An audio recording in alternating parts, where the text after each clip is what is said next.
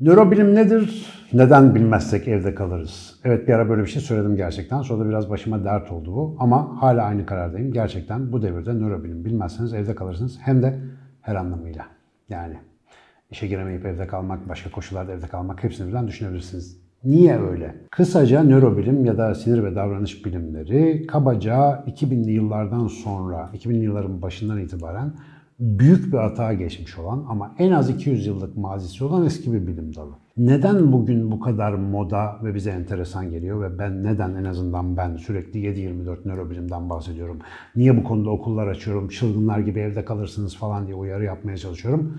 Biraz bu başlık altında onu da izah etmeye çalışayım. Öncelikle nörobilim, nöro dediğimiz sinir sisteminin nasıl işlediğini, nasıl çalıştığını, nasıl geliştiğini, nasıl evrildiğini anlamaya çalışan bir alan. Tabii ki sadece bu makine nasıl çalışıyor gibi anlamlandırmaya çalışmıyor. İnsanın özellikle günlük faaliyetlerini, işlevlerini nasıl yönettiğini, beden sistemi dediğimiz o canlılık içerisinde ne kadar önemli olduğunu, neler yaptığını anlamaya ve anlatmaya çalışan bir bilim alanı. Dediğim gibi son 20-25 yıldır belki de bilim dünyasının en fazla para harcadığı alanlardan bir tanesi haline geldi. Birkaç sebepten dolayı. Birincisi 90'lı yılların sonunda enteresan bazı teknolojik keşifler oldu. Mesela bunlardan bir tanesi kapalı bir kutu içerisinde böyle yaralanma ya da ölüm sonrası kafatasını açıp bakma gibi durumlar olmadan ne yaptığını doğrudan göremediğimiz bir organın aslında vücudumuzda her şeyi yönettiğine dair bir bilgimiz vardı ama onun nasıl çalıştığını bir türlü canlı yayında göremiyorduk. Ama işte MR dediğimiz daha eski bir teknoloji yani manyetik rezonans görüntüleme dediğimiz bir tekniğin bir varyasyonu 90'ların sonunda aslında bir fizik laboratuvarında keşfedilince bir anda bizim nörobilim çalışmaları patladı. Bugün nörobilimde en fazla kullanılan tekniklerden bir tanesi olan işlevsel manyetik rezonans görüntüleme ya da kısa adıyla fMRI şeklinde yazılan o teknik insanları kesmeden biçmeden, onlara bir şeyler böyle kafalarına bir şeyler sokmadan bir cihazın içerisine yatırıp onlara belli görevler verdiğinizde beynin nerelerinin nasıl çalıştığını canlı yayında, monitörde bize gösterebilen mucizevi bir teknik olarak hayatımıza girdi.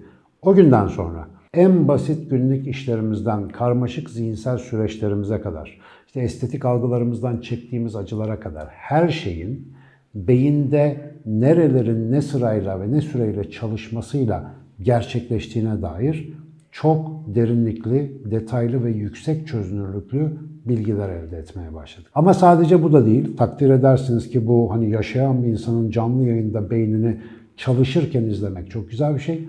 Öte yandan da başta mikroskop teknolojilerindeki bu bilgisayar ve yonga teknolojisindeki gelişmelere bağlı olarak yaşanan sıçramalar ve diğer bütün alanların özellikle mühendislik bilimlerinin bu konuya gittikçe daha fazla eğilmesi nörobilim alanını çılgın bir gelişim içine soktu. Peki niye bütün bu efor nörobilime gitti? Çünkü zaten biz çok uzun bir süredir şunu biliyorduk. İnsan beynine minnacık bir hasar verdiğinizde hayatta her şey değişiyor. Bazen insanlar bütün hafızalarını yitiriyorlar, hareket yeteneklerini kaybediyorlar, akli melekelerinden oluyorlar. Hatta bazen yapabildiklerini bilmedikleri bir şeyleri aniden bir beyin hasarına bağlı olarak yapmaya başlıyorlar. Ama vücudun başka hiçbir yerine hasar verdiğinizde ya da bir şey yaptığınızda kişilikte, benlikte, bellekte bu kadar büyük değişimler görmüyorsunuz. Yani biliyorduk ki insanı insan yapan yüksek zihinsel özellikler dediğimiz şey muhtemelen vücutta en fazla beyin dediğimiz organla alakalı. Ve biz insanı anlama yolculuğunda en önemli giriş kapımızın beyin ve davranış bilimleri olduğunu aslında çok önceden fark etmiş durumdaydık. Geldiğimiz zaman da sadece teknolojik gelişimler ve bilgi birikiminin artmasıyla beyine çok daha sofistike sorular sorup çok daha doyurucu cevaplar alabildiğimiz bir zamandayız.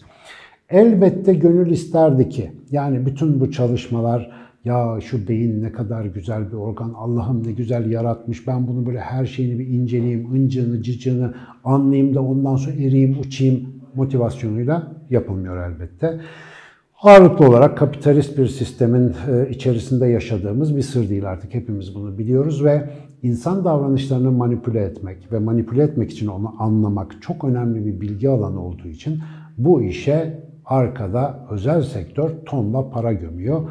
Niye? Dünyanın en zengin insanlarından bir tanesi olan Elon Musk'ın beynine çip sokuşturmaya çalıştığına bir de bu gözle bakarsak sanıyorum resmi biraz daha iyi anlamaya başlayacağız. Netice itibariyle motivasyon ne olursa olsun beyinle ilgili öğrendiklerimiz çığ gibi büyümeye halen devam ediyor. Ve şu anda hani ciddi bir nörobilim araştırmacısına şöyle temel bir soru sorsanız biz beynin ne kadarını çözdük? Size muhtemelen verebilecekleri cevap şuna benzeyecektir. Bir okyanusun kıyısındayız ve sadece ayak bileklerimize kadar suya temas edebiliyoruz. Çünkü çok engin, çok kompleks bir meseleyle karşı karşıyayız ve daha yapacak çok fazla işimiz var. Fakat okyanusun önünde sadece ayaklarımızı ıslatacak derecede az bir bilgiye sahip olsak da bu bilgi hayatımızda o kadar devrimsel dönüşümler yapmaya başladı ki insanın faaliyet gösterdiği her alanda nörobilim az ya da çok bir devrim yaratmaya başladı. Mesela bunlardan ilki ve en meşhur olanı muhtemelen nöro pazarlama olarak ya da nöro marketing olarak duymuş olabileceğiniz alan. Bir kere pazarlama beyin. Ne alakası var? Çok açık. Pazarlama davranışı, satın alma davranışı, işte karar verme, para harcayıp harcamamaya, işte bir şekilde yönelme bizim beynimizdeki devrelerin çalışmasıyla çok yakından alakalı. E tabii bir de işin ucunda para olunca ne oldu? Bu insanlar nasıl karar veriyorlar? Nasıl satın alıyorlar? Niye bunu beğeniyorlar da şunu beğenmiyorlar? Sorularına ilk muhatap olacak bilim alanı elbette ki nörobilim oldu. Çok erken bir dönemde yani 2010'larda hatta 2010'lardan önce nörobilim ve pazarlama birleşmeye başladı ve ortaya bugün adına nöropazarlama dediğimiz bir alan çıktı. Nöropazarlama alanı bizim karar verme, satın alma süreçlerimizin beyinde hangi mekanizmalarla işlediğini anlamaya çalışan bir alan.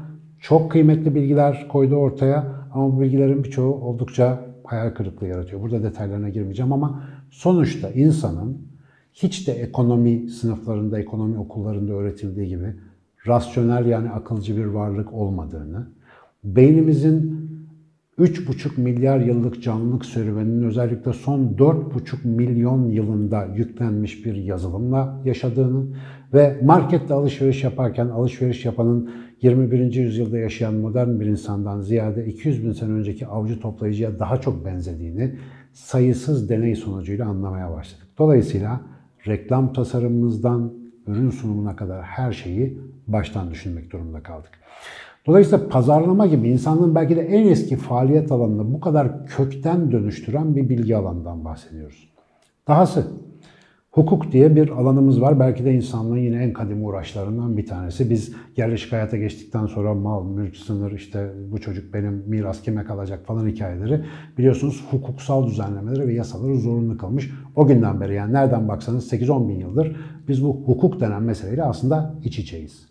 Ama bugün böyle menfur cinayetler işleyen, dehşete düşüren suçlara bulaşan insanların büyük bir çoğunluğunun belli beyin rahatsızlıklarından muzdarip olduğunu yeni yeni anlamaya başlıyoruz. Mesela bir seri katilin artık önce beynine bakıyoruz. Yani burada acaba bir tümör mümör var mı? Bu kişi niye böyle insanlığa sığmaz bir davranışı bu kadar soğukkanlılıkla yapabiliyor diye. Ve genellikle bulduğumuz şey çok ilginç.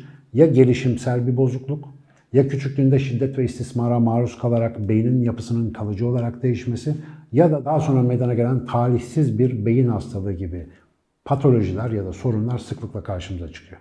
Bu da bize tarihin belki de en eski sorularından bir tanesini bambaşka bir zeminde ele alma imkanı veriyor. İnsan iyi mi, kötü mü? Bu insan suçlu mu, hasta mı? Ceza mı vermeliyim, başka bir şey mi yapmalıyım? Bu soruları artık bambaşka bir zeminde tekrar tartışıyoruz ve böyle e, sorunları bir arada değerlendirdiğimiz alana da artık nöro hukuk adını vermeye başladık. Ve dünyada çok fazla araştırmalar yapan alanlardan bir tanesi. Geçenlerde bir arkadaşım masama bir makale koydu. Nöropolitikteki gelişmeler diye. Hmm, enteresan dedim. Demek artık makale başlıklarına girmeye başladı. Zira psikopolitik ya da politik psikoloji zaten çok uzun zamandan beri var olan bir alandı. Ama şimdi seçmen davranışlarından o kitlesel hareketlerin dinamiklerine kadar insanların beyinlerinde olan bitenlerle bunların alakasını kurmaya çalışan bu yeni alan oldukça heyecanlı araştırmaların döndüğü ve birçok bilim insanının ve aynı zamanda farklı disiplinlerden kişilerin bir araya geldiği araştırma alanlarına dönüşmeye başladı. Bu örnekleri niye verdim? Ne yapıyor olursanız olun. Bugün nörobilimi temel düzeyde anlayınca yaptığınız işi bir şekilde farklı yapmak zorunda kalacaksınız. Özellikle yüzlerce yıldır yapılan bir şeyi yapmaya devam edenlerdenseniz, yani geleneksel bir mesleği yapıyorsanız, mesela insanlarla çok ilişki kurmanız gereken bir işiniz varsa, öğrenciyseniz, işte ne bileyim mühendisseniz, avukatsanız, doktorsanız, aklınıza ne geliyorsa, ev hanımıysanız, yapacağınız her işte beyin ve davranışla ilgili bugün bildiklerimiz temel düzeyde sizin önce kendi üzerinizde sonra yaptığınız iş ve onun diğer insanlara etkisi üzerine bir daha düşünmenize sebep olacak. Nereden biliyorum? Ben bir senedir yaklaşık dördüncü sezonuna başlayacağımız işte bir uygulamalı nörobilim okulu düzenliyorum açık beyinde. Ve orada gerçekten 77 milletten katılımcımız var. Çok farklı backgroundlardan gelen insanlarla beraberiz. Ve özellikle işte o 8 haftalık derslerimizin toplam 32 saatlik muhabbetimizin sonlarına geldiğimizde valla öyle sorular, öyle fikirler, öyle projeler geliyor.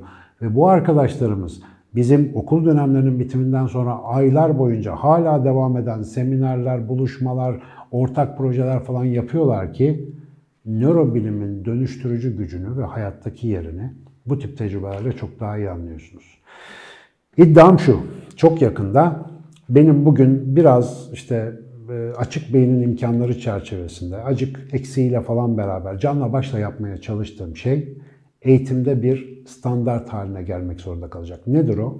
Nörobilim davranış bilgisini eğer mümkünse kadim bilgeliğimizde de birleştirerek insanlara hem de her alanda faaliyet gösteren insanlara bir temel yaşam ve insanlık bilgisi olarak vermek durumunda kalacağız.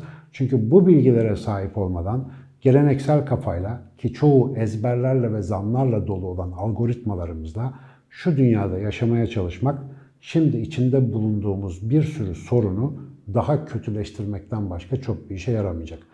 O yüzden isterseniz iklim bilimiyle, çevre kirliliğiyle, işte yeşil enerji üretim tüketimiyle, isterseniz herhangi bir içtimai, sosyal alanla veya teknik bir mühendislik alanıyla neyle uğraşıyor olursanız olun, nörobilim size çok büyük katkılar sağlama potansiyeli taşıyor. O yüzden de nörobilim bilmezseniz yarın bir gün evde kalabilirsiniz. Yani dediğim gibi bir düşünmekte fayda var.